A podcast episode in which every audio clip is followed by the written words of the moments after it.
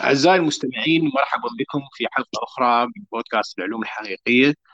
معكم عمر المريواني ونلتقي في هذه الحلقة مع الدكتور محمد الربيعي والذي سأعرفه في هذه اللحظات ثم سننتقل إلى الأسئلة آه، حول الموضوع آه، آه، أحد المواضيع التي تخصص بها الدكتور محمد الربيعي والذي هو بروفيسور متمرس في الهندسة البايوكيميائية في جامعة كلية دبلن. وهو باحث أقدم في معهد كونوي للعلوم الطبية وسابقا بروفيسور في جامعة برمنغهام وهو رئيس شبكة العلماء العراقيين في الخارج وشغل عددا من المناصب الأكاديمية وعمل كخبير لعدد من الشركات الطبية والصيدلانية ولمؤسسات البحث العلمي الأوروبية والعالمية. وكان أستاذا وهو أستاذ مشارك وزائر لعدد من الجامعات العالمية. وأهلا وسهلا بك معنا في العلوم الحقيقية. أهلا بك أهلا وسهلا أستاذ. أهلا بك أستاذ عمر. سؤالنا الأول ما هو الموت الخلوي؟ هي أنواعه يعني كثير من الناس قد لا يعلمون ما هو الموت الخلوي. أه بصورة عامة أه وناخذها من الناحية الشكلية أو المورفولوجية يمكن أن نصنف موت أه إلى أربعة أنواع اللي هو موت الخلايا المبرمج واللي هو كما هو المعروف بالأباتوسيس أه نوع آخر هو الالتهام الذاتي الأوتوفاجي والنكروسيس اللي بالعربي النخر والإنتوسيس الانطواء. وأيضا هنالك أنواع أخرى من الموت الخلوي آه، من أعتقد إنه آه، مو مهم جدا أنه نذكرها هنا. لكن خلينا نأخذ هذه الأربعة أنواع آه، بصورة عامة وننظر لها مثلا ابيتوسيس موت الخلايا المبرمج أو اني كما سميته الاستماتة. وهو أسرع شكل من أشكال موت الخلايا ويحدث بشكل أساسي اعتماد على آه، سلسلة إنزيمات تحلل البروتين اللي هي يسموها caspases. آه، الالتهام الذاتي النوع الثاني من موت الخلايا ال autophagy هذه عملية تدهور لإزالة البروتينات التالفة والعضيات اللي هي مختلة وظيفيا. وأيضا عندنا نوع ثالث النكروسيس. النكروسيس اللي يحتوي على تنوع كبير بموت الخلايا فتحدث بالممبرين للخلايا تثقب تشقق والنوع الأخير هو الإنتوسيس وهذا هو آه، آه، يعرض آه، تتعرض بالخليه إلى سمات معينة فيسموها خلية في بطن خلية ويتطلب أيضا تنفيذ عملية ابتلاع الخلايا يعني أوتوفاجي يعني يرتبط وياه. فموت الخلية فقرار خلوي نهائي عملية حاسمة للحفاظ على التوازن بين الأعضاء من حيث حجمها وعدد الخلايا لكل منها لأن الجسم لابد يكون بتوازن بين آه، حجم الخلايا وعددها. فنعرف إنه إنه بالجسم تموت حوالي حوالي 10 مليارات خلية كل يوم حتى نحافظ على هذا التوازن. فلا بد من تكون أعداد خلايا بالمقابل جديدة ناشئة هذه تنشأ دائما من الخلايا الجذعية بالجسم يعني آه، حتى تعوض عليها. فالمذبحة هذه اللي اللي اللي تحدث بالجسم آه، يحتاج فد نظام متوازن ودقيق حتى ينظمها. وهذا التوازن الطبيعي مو مجرد عملية سلبية منظم بخلال آه، عملية برمجية دقيقة. وهذه الآليات اللي هي آه، آه، تعمل على إزالة الخلايا التالفة مع تقدم العمر طبعا آه، تكون استجابة مثلا لتلف الحامض النووي عندما حتى حتى يمنع الإصابة ببعض الأمراض لكن يساهم بالإصابة بأمراض أخرى اللي هي ما تسمى بال degenerative diseases الأمراض التنكسية. وقد تكون يعني إذا كانت الاستجابات لها بطيئة ومنخفضة راح يساهم بزيادة احتمال الإصابة بالسرطان. شكرا لكم دكتور. يعني الموضوع أعتقد صار واضح جدا. لكن يعني يعترضنا سؤال آخر. وهو ما قد يقرب الموضوع إلى المستمع الاعتيادي وهو لماذا تعد دراسة الموت الخلوي مهمة؟ يعني ما هي المجالات أو أهم المجالات التي أن تسهم فيها أن يسهم أو يسهم فيها تقدم معرفتنا بالموت الخلوي؟ أه، أهمية الموت الخلوي أو دراسة الموت الخلوي ودراسه أه، دورة تكمن بالدور اللي يلعبه بالفعاليات الحيوية سواء كانت الفسيولوجية أو المرضية. فأكون أنواع من موت الخلايا، مثلا موت الخلايا الفسيولوجي هذا جزء مهم من النمو وتكاثر الخلايا والجوانب المختلفة من النظام الدفاع المناعي. آه، النوع الآخر هو موت الخلايا الباثولوجي هذا عنصر مهم من أهم اللي من أهم العناصر اللي آه، الأمراض اللي آه، آه، تصيب المجتمع الحديث. للموت الخلوي دور كبير بالعمليات البيولوجية. بما في ذلك التطور الجيني والشيخوخة والعديد من الأمراض. من خلال الموت الخلوي تعمل العديد من العلاجات الحالية. مثلا أكو مضادات الالتهاب اللي هي مو آه، يعني والعلاجات المضادة للسرطان. وبسبب إنه آه، تم تحديد الآليات الجزيئيه اللي تشارك بإشارات الموت والتنظيم الجيني وتم تحديد المؤثرات آه، على هذا الأساس تم تطوير علاجات جديدة تهدف إلى تعديل موت الخلايا و باعتقادي انه اعتقادي كثير من العلماء إن المرجح راح تستخدم هذه الطرق بمعالجة الأمراض الشائعة بالسنين المقبلة.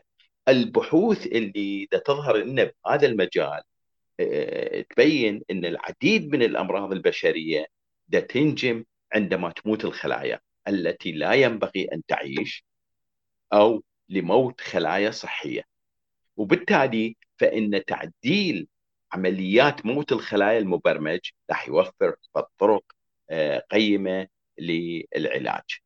يعني دكتور الموضوع إلى حد كبير يرتبط بفهمنا لأمراض عديدة ثم لتطويرنا لعلاجات آه، كثيرة، يعني نسمع عن صنف من البروتينات التي تنظم الموت الخلوي تعرف بعائله بي سي ال أو بروتينات بشكل عام تعمل على تنظيم الخلوي. وقد ذكرتم آه، كيف أن الموت الخلوي يتدخل في يمكن أن يتم يعني آه، يكون له صلة بمعالجة بعض الأمراض. فكيف تعمل هذه البروتينات التي تنظم الموت الخلوي؟ ولماذا تعد بعض أنواع هذه البروتينات مثل عائلة بي سي ال التي ذكرناها مهمة جدا؟ سؤال مهم جدا. آه، آه، الموت الخلي مثل كثير من العمليات الحيوية العمليات الخلوية معقد جدا. ولكثير من العوامل آه، معظم هاي العوامل هي بروتينات. تلعب الدور حيوي في موت الخلايا المبرمج مو فقط ال BCL أو عائلة البروتينات ال BCL 2 لكن الأخرى الكاسبيسز الأميلويد بي بيبتايد البي 53 جين والهيت شوك بروتين أو بروتينات الصدمة الحرارية. هذه كلها تشترك في تنظيم عملية الموت الخلوي. فعمليات تنظيم هذه البروتينات حتى تموت الخلية عمليات معقدة آه، كل منها دور بتنشيط أو منع الموت الخلوي أي يعني معاكسة. أما تنشط الموت الخلوي أو تمنع الموت الخلوي حتى في داخل عائلة البروتينات BCL 2 عائلة من بروتينات عديدة كثيرة. قسم من عندها تنشط وقسم من عندها تثبط فهذا كله يتم ضمن فد mechanism محدد تسيطر عليه عوامل داخلية وخارجية تلعب فد دور مهم بالتنظيم الخلوي. عائلة بروتينات بالخصوص ال BCL 2 هي أفضل عائلة بروتينية متميزة تشارك بتنظيم موت الخلايا المبرمج. لذلك سؤالك كلش مهم بالنسبة له. هذه البروتينات مثل ما قلت آه، أما مضاده للاستماتة أو مشجعة آه، مشجعة للاستماتة آه، تمنع البروتينات المضادة للاستماتة من هذه العائلة اللي هي مثلا ال BCL 2 وال BCL XL هذه نوعين من البروتينات. هاي تمنع موت الخلايا المبرمج أما عن طريق تفكيك الأشكال الأولية من ال cysteine proteases بروتياز السيستين اللي هو يقود الموت ويسمى بالكاس مركب من ال caspases أو بطريق منع إطلاق عوامل موت الخلايا المبرمجة للميتوكوندريا مثل السيتوكروم C وال AIF العامل المحفز لموت الخلايا المبرمج بالسيتوبلازم. آه، بعد دخول السيتوبلازم ينشط السيتوكروم C وال AIF مباشرة ال caspases اللي تشق مجموعة من البروتينات الخلوية لاحداث تغييرات موت الخلايا المبرمجة.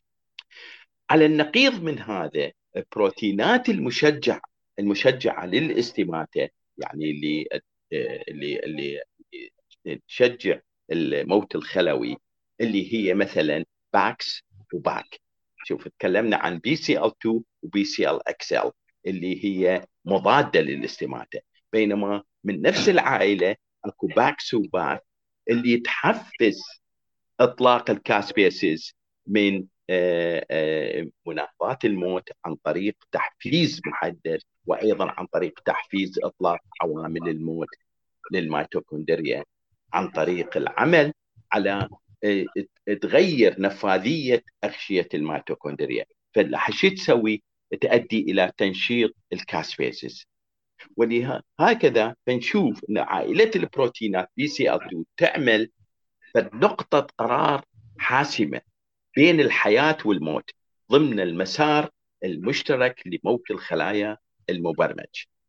شكرا دكتور إجابة وافية وأظن أن المستمع الاعتيادي حين يسمعنا الآن سيجد أن هناك بعض التغييرات أو الأمور التي تحدث على مستوى الخلية والتي قد يظن أنها لا ترتبط بحياته بشيء وبالكلام عن الأمراض وربما أول مرض قد يتبادر لذهن المستمع الاعتيادي أو القارئ الاعتيادي لنا وبفهم هذه العمليات قد يتساءل البعض عن دور الموت الخلوي ودور فهمنا للموت الخلوي في محاربة السرطان. فكيف يمكن أن نستفيد من من هذا الفهم من فهمنا الموت الخلوي في محاربة السرطان؟ ومما ومن كل مما ما ذكرتموه من حوائل البروتينات هذه وتأثيرها في تعجيل أو تثبيط الموت الخلوي. إحنا يعني نعرف إنه الموت الخلوي له دور كبير هو بالسرطان ولذلك كل ما نفهم أكثر عنه كل ما راح يساعدنا محاربة السرطان. البحوث اللي بالسرطان أنتجت الأساسية في التطورات يعني آه، مفهومة وملحوظة لبيولوجيا السرطان وعلم وراثة السرطان. أهم هذه التطورات هو إنه معرفتنا إن موت الخلايا المبرمج والجينات اللي تتحكم بال بهذه بالأبيتوسيس بالإستماتة لها تأثير عميق على نمط آه، المرض السرطان طريقه الإصابة بالسرطان وطريقة الميكانيزم السرطان. على سبيل المثال الآن فد واضح إنه آه، بعض الطفرات السرطانية تعطل موت الخلايا المبرمج حيؤدي هذا إلى بدء الورم وتقدمه إلى فد ورم يصير ورم خبيث. فكذلك ثبت الآن أن معظم العوامل المضادة للسرطان والسامة للخلايا تحفز موت الخلايا المبرمجة مما يزيد من الاحتمال بأن العيوب برنامج موت الخلايا تساهم في فشل العلاج. ونظرا لأن الطفرات نفسها اللي تثبت موت الخلايا المبرمج أثناء تطور الورم تقلل أيضا من حساسية العلاج. هذه يسوي مشكلة اللي لطريقة معالجة السرطان. فهنالك الآن جهود بحثية مكثفة للكشف عن الآليات الكامنة وراء موت الخلايا المبرمجة بحيث يتصور المرء في العقد القادم أن آه هذه المعلومات راح تنتج استراتيجيات جديدة لاستغلال موت الخلايا المبرمج من أجل تحقيق فوائد علاجية و آه من ضمن هذه ال mechanism بالنسبة للسرطان نعرف إنه جين اسمه P 53 وهذا يسموه الجين المثبط للورم. هذا مرتبط أيضا بالاستماتة مرتبط بال apoptosis P 53 يمكن أن يحفز موت الخلايا المبرمج عند الإفراط بالتعبير عنه يعني من يصير expression عنده عالي جدا.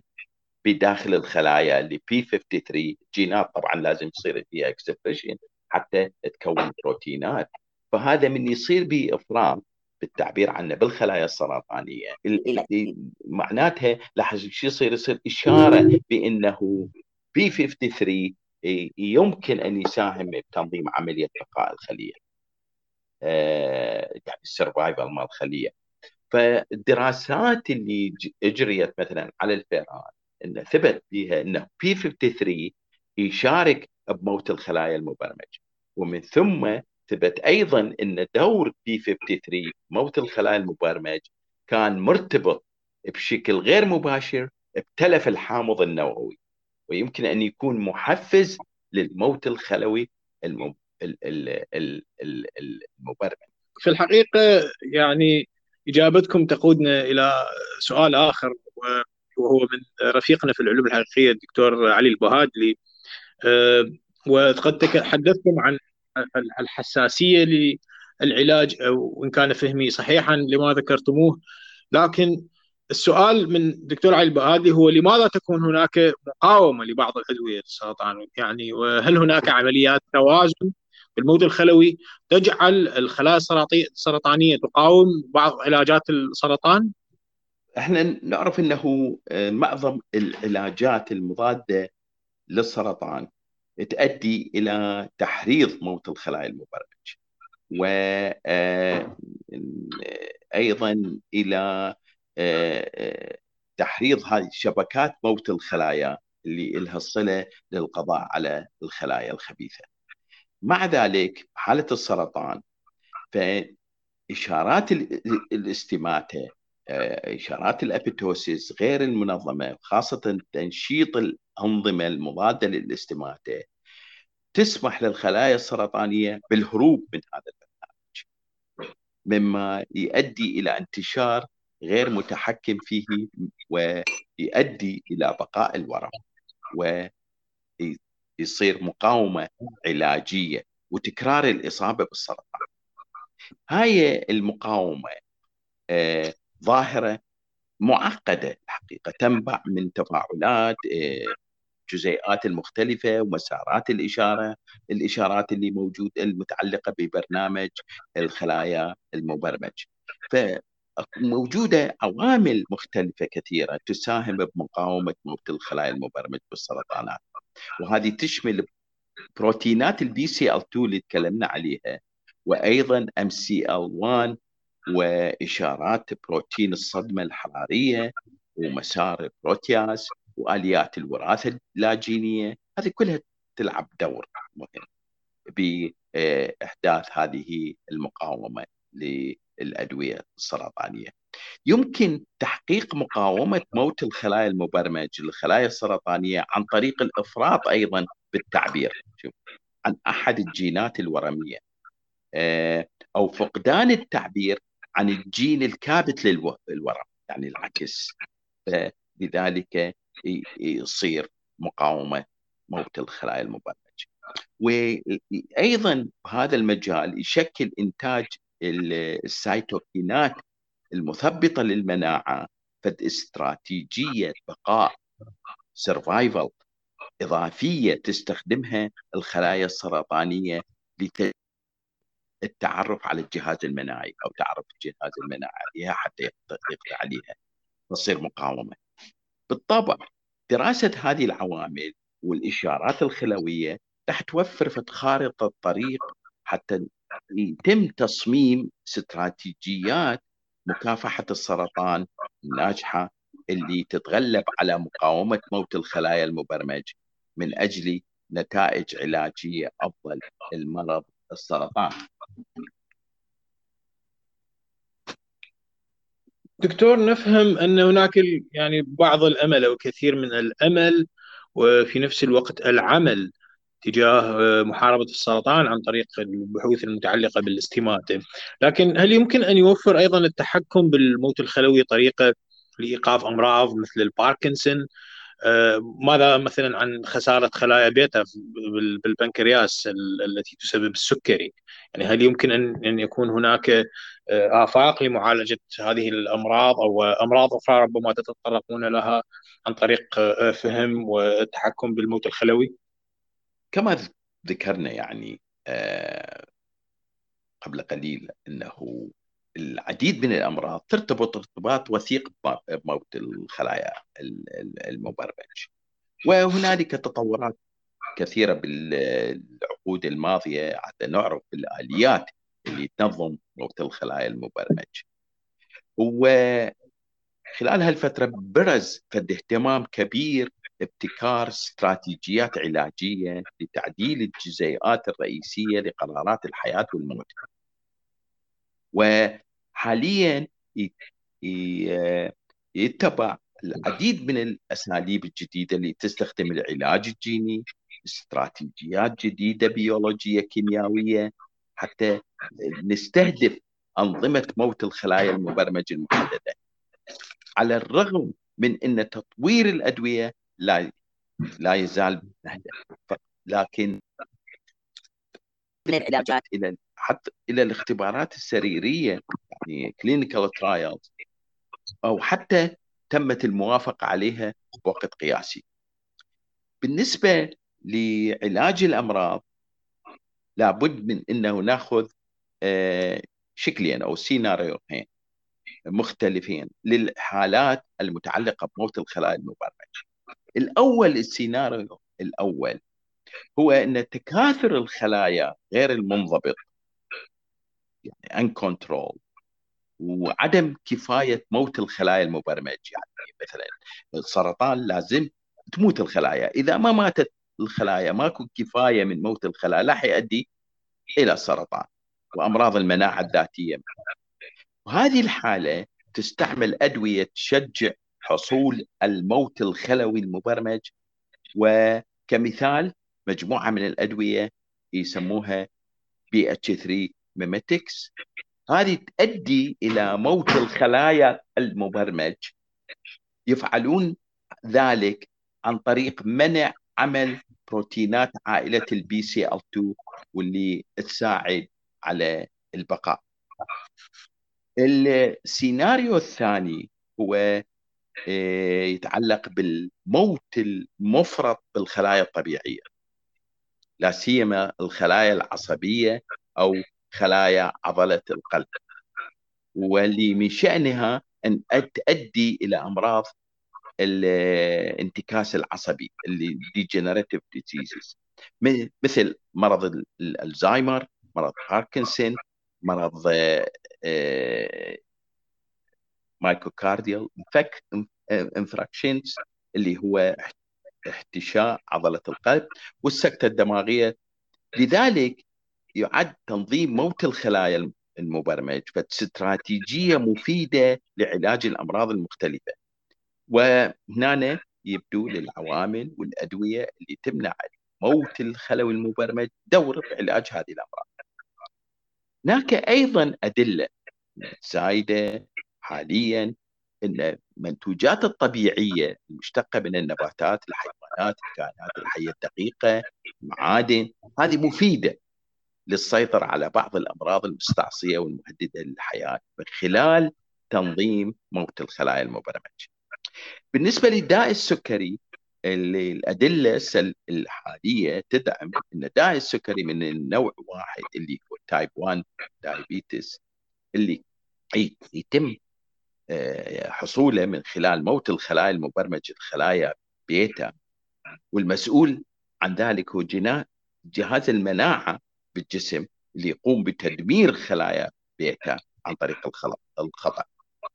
لكن يبدو إن هناك طرق أخرى تموت بها هاي الخلايا.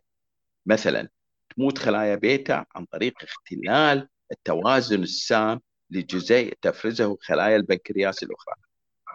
أما في مرض السكري من النوع 2 type 2 تساهم المستويات غير الطبيعية من العوامل الايضيه آه، فشل خلايا بيتا وما يؤدي ذلك من موت الخلايا المبرمج فما نستبعد يعني المستقبل ان ظهر أحد الأيام أحد هذه المجال المجال المجالات أو مجالات البشرة أو العضلات يدعى بأنه يعني يقول بأنه يحسن البناء العضلي أو يجعل البشرة أفضل بالاعتماد على التحكم بالموت الخلوي ويستند إلى أبحاث موجودة فعليا حول علاقة مثبطات الموت الخلوي مثلا ال Bcl-2 اللي هو آه، آه، العلاقة مثلا بالضمور العضلي. فنجد أيضا أبحاث تتطرق إلى هذا الموضوع من متعلقة بالجلد والشعر. ولكن راح تصير على المستوى الخلوي. فلو ظهرت منتوجات كهذه ربما آه، قد تكون قد ظهرت بالأساس الحجة شنو هي؟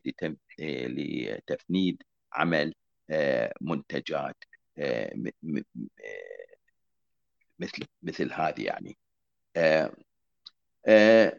مثلا الأشعة فوق البنفسجية.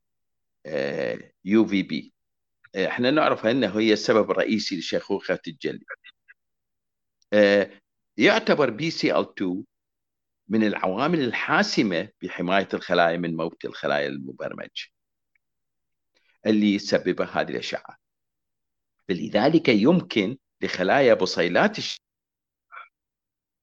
من خلال تنظيم ال Bcl-2 لذلك بتنظيم إنتاج البروتين قد نتوصل إلى علاجات لمن تلف البشرة أو تأخير حصول موت خلايا البشر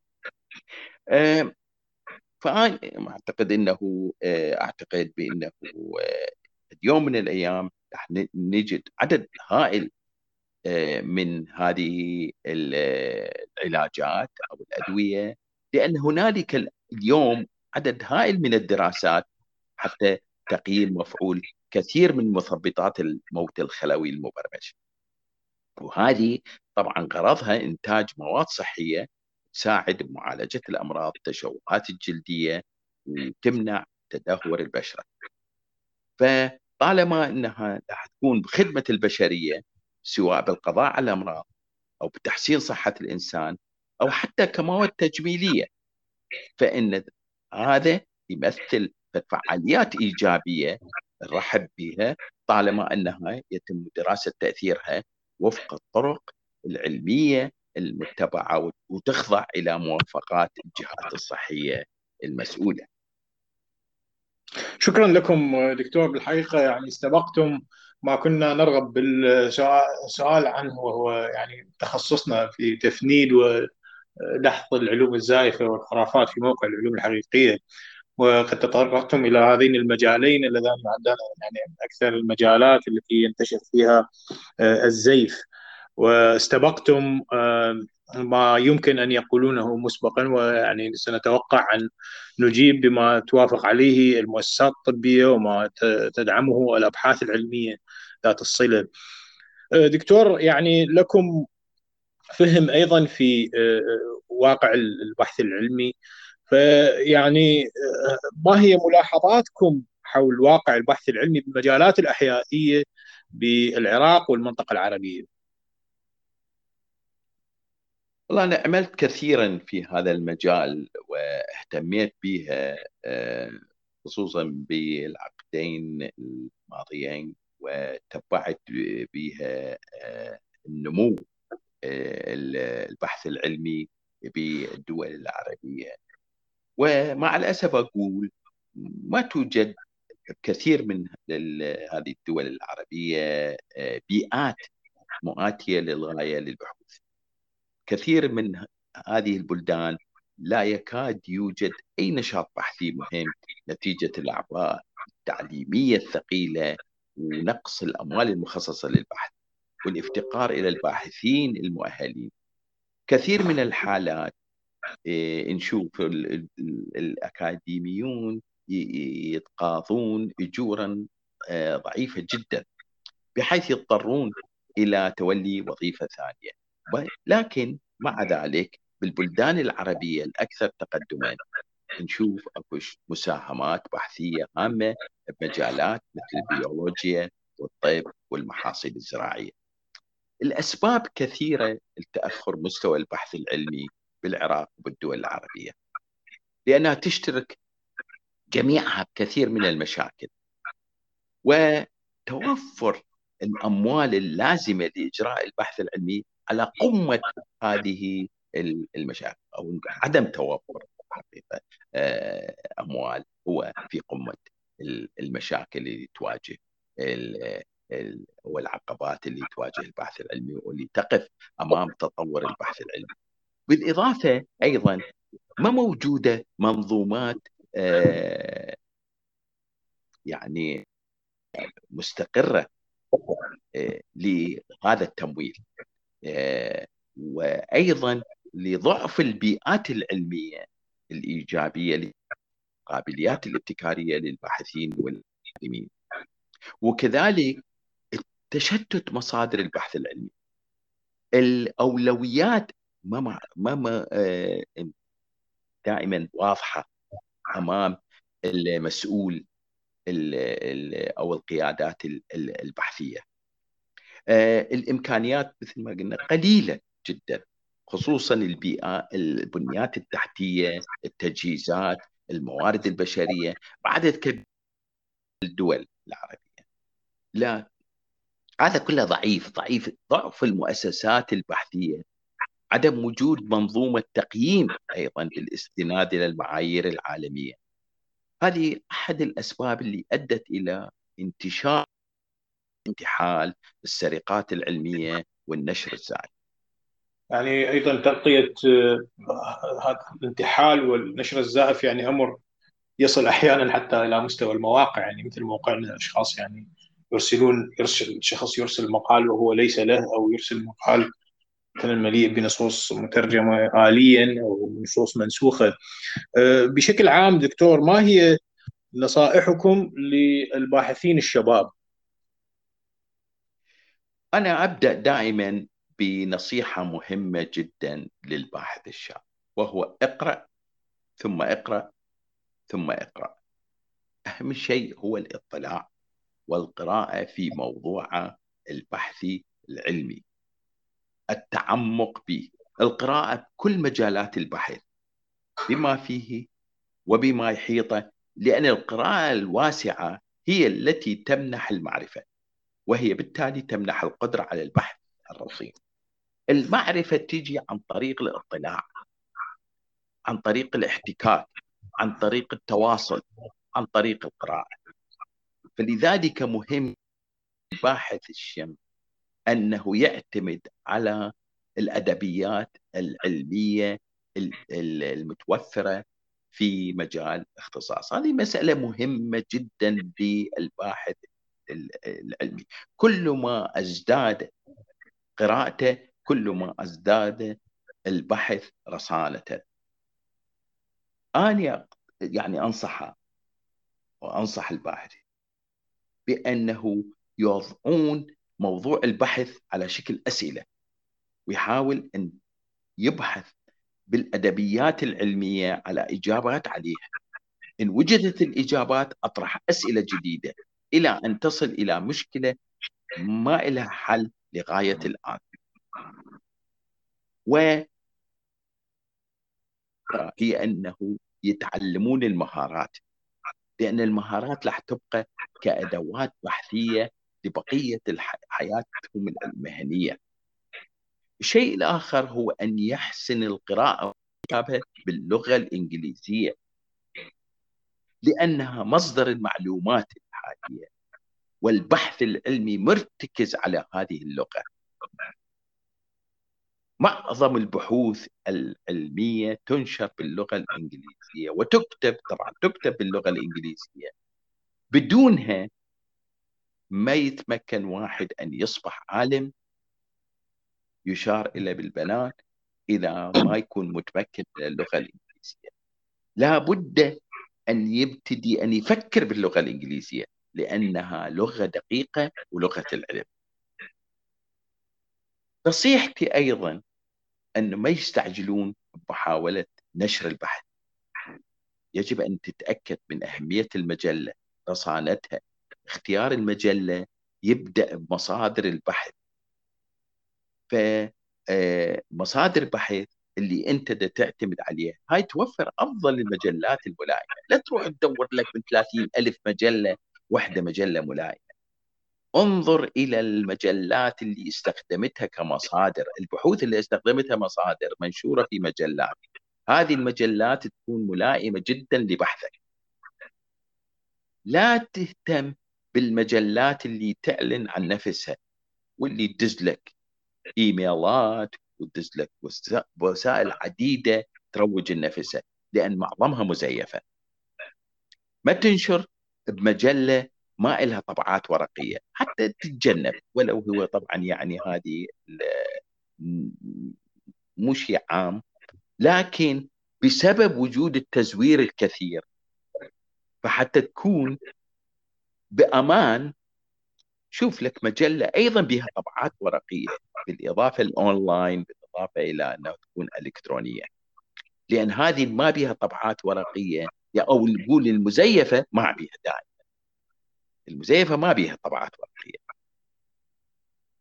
فلا تنشر بمجلة أيضا تطلب منك إجور. صحيح أكو قسم من عندهم يطلبون إجور وهي مجلات رصينة.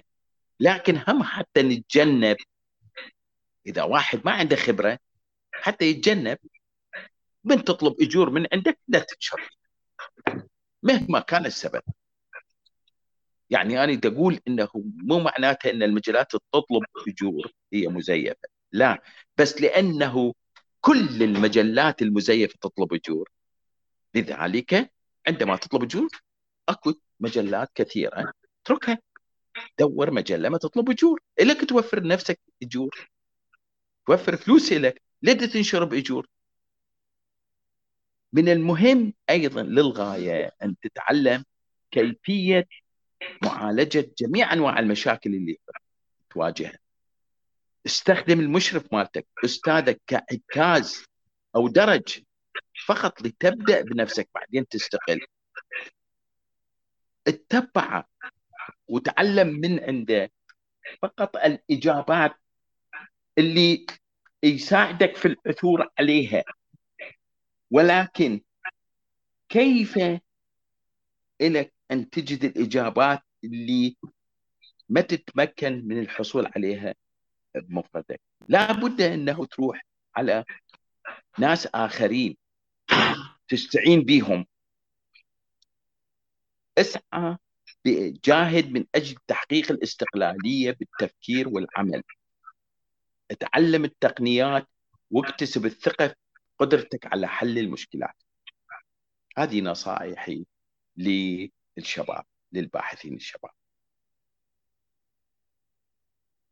يعني نصائح مذهلة دكتور يعني كثير منها علقت في ذهني آه، منذ هذه الدقيقة. ويعني أيضا قمتم بتغطية الكثير من الاشكاليات في النشر الأكاديمي لكن كنت أرغب أن أسألكم أيضا يعني عن أي إشكاليات ترونها الآن في عملية النشر العلمي في العالم وتقييمكم لعملية البحث العلمي بشكل عام. بما فيها طبعا النشر العلمي. بالوقت الحاضر آه، منذ سنوات عديدة نشوف كيف التزايد مضطرد بالبلدية أكثر من خصوصا في البلدان الدول النامية. وكذلك أيضا آه، ما موجود بالعالم الأموال اللي مخصصة للبحوث. ما بقى أحد هسه بالعالم ما يعترف بأن البحث والتطوير فالمكون الرئيسي في الاكتشاف الناجح وتطوير المعدات والمواد الجديدة اللي تدخل إلى السوق. فأصبح منطقة نشاط تكنولوجي وتجاري كبير. نشوف بالاستثمارات تنمو آه، نمو كبير عام بعد عام. يعني بالبحث والتطوير. هذا النمو اللي مع آه، يعني تزايد هذا النمو الكبير نحتاج لإعادة التفكير بحالة البحث العلمي لأنه إحنا نعيش آه، وسط ضغوط متزايدة من النشر الأكاديمي. الآن ضغوط على كل الباحثين ضغوط على كل الأكاديميين. وأكو آه، خيبة أمل متزايدة من الأساليب العلمية ومسألة إمكانية تكرار نتائج البحوث في جميع انحاء العالم. مو فقط إنه تسوي بحث أصيل وتنشره. تكرار هذا البحث أكو صعوبات هسه الآن. شوف يعني كثير من البحوث تسحب بسبب عدم إمكانية تكرارها. نحتاج الحقيقة نقاش واسع ومراجعة القضايا الرئيسية اللي تأثر بالنشر. إلى جانب تسليط الضوء على مكونات البحث العلمي نفسه. وبزيادة التسويق التجاري لقضايا التعليم ورأس المال البشري بالعلوم نحتاج إلى ربط مخرجات البحث بالتوظيف الأكاديمي والتنظيم المؤسساتي والتمويل مع الآثار المحتملة. هنالك معضلة الباحث بالتوجه التوظيفي مقابل التوجه المعرفي. في صراع خصوصا عند الشباب بين الآن بين أنه يتوجه نحو الانغلاق على البحث والتركيز على البحث وبين يهتم بالوظيفة والتقدم الوظيفي مالته. أيهما يأتي بالمقدمة؟ كيف نبني علاقة إيجابية بينهما؟ مع إمكانية نشر بصورة حرة وبسهولة. ما فيها احتكار. يجب أن يكون النشر مفتوح إلى كل العالم إلى كل من يسعى للحصول على هاي المعرفة. احتكار المعرفة هو أخطر شيء أمام التقدم العلمي والتكنولوجي والتقدم الثقافي بالعالم. يجب أيضا أن نعمل بكل ما يمكن أن نعمله حتى نوقف تقدم النشر الزائف ونمنع انتشاره. إحنا الآن خصوصا في بلداننا مدى نهتم كثيرا إلى وسائل إيقاف النشر الزائف. وفي الدول المتقدمة أيضا مدى يهتموا لها لأنها قليلة بالنسبة لهم ويستطيعون أن يعيشون ويهملون هذا النشر الزائف الجاي من دول أخرى. ما يهتموا لها ولا يعتبروا باي شيء. فالعلم يحتاج الان التوقف والنظر هل نعتمد إحنا كثيرا على النشر بالمجلات؟ هل يمكن أن يكون هنالك وسيلة أخرى؟ النشر بالمجلات الان الاعتماد الوحيد المعترف به للباحثين، المسار الوحيد للتقدم الوظيفي. هل هذا صحيح؟ كثير من العلماء بدأوا يبحثون عن وسائل أخرى ويدعون إلى وسائل أخرى المجلات ليست هي الوسيلة الوحيدة للنشر العلمي ليس وحيدة لنشر المعرفة. فانطرحت ثلاث إصلاحات معقولة لتغيير هذا النظام. ما يضمن الإعلان عن نتائج الباحثين بشكل أسرع ودون أي مساومة على الجودة. هذا مهم. يعني إحنا نريد السرعة وماكو مساومة على الجودة بس نريد إصلاحات آه، الخطوة الأولى هي العلماء بدأوا يضعون أوراقهم الأكاديمية جنبا إلى جنب مع البيانات التجريبية بمستودعات هاي المستودعات موجودة على الإنترنت يمكن الوصول إليها الباحثين قبل إرسالها إلى إحدى المجلات. هذه راح يسمح للباحثين الآخرين الاستفادة من النتائج دون يعني قبل ما يكون آه، بها آه، الريفيو المسائل المتعلقة بالنشر يعني المراجعات قبل ما يتم المراجعات. الخطوة الثانية هي عملية مراجعة الأقران نفسها الآن المجلات عندها بالنظام كل مجلة مضبوطة كل ما كانت رصينة أكثر كل ما كانت أكثر صرامة في تنظيم المراجعة. والعملية تنظيم المراجعين المجهولين لإصدار الأحكام على الأبحاث الجديدة دائما نشوف تقول لك ريفيورز من هم؟ دائما ما نستعمل أسمائهم. ما ننشر أسمائهم. لا. لكن هذه العملية غامضة وكثير منهم يحتجون عليها. لذلك بعض المجلات بدأت بنشر المسؤول اللي هو راجع هذه المجلة وانطى رأيه آه، راجع هذه البحث وابدى رأيه. من الأفضل تسمية المراجعين. يعني الريفيور ونشر المراجعات نفسها.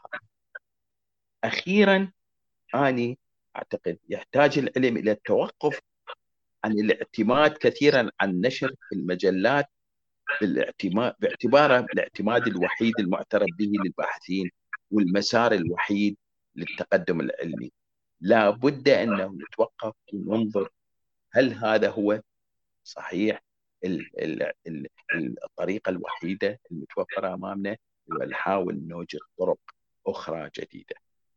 رائع جدا دكتور شكرا لكم. يعني آه، ملاحظات يعني يجدر بكل باحث ومؤسسة بحثية آه، اعتمادها والنظر إليها.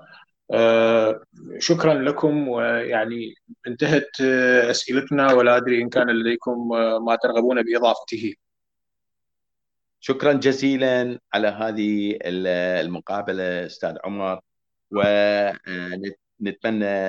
لك وللعلوم الحقيقية تصدروها مزيدا من التطور والنجاح. شكرا لكم دكتور وشكرا لمستمعينا ونلقاكم في حلقة أخرى من بودكاست العلوم الحقيقية إلى اللقاء.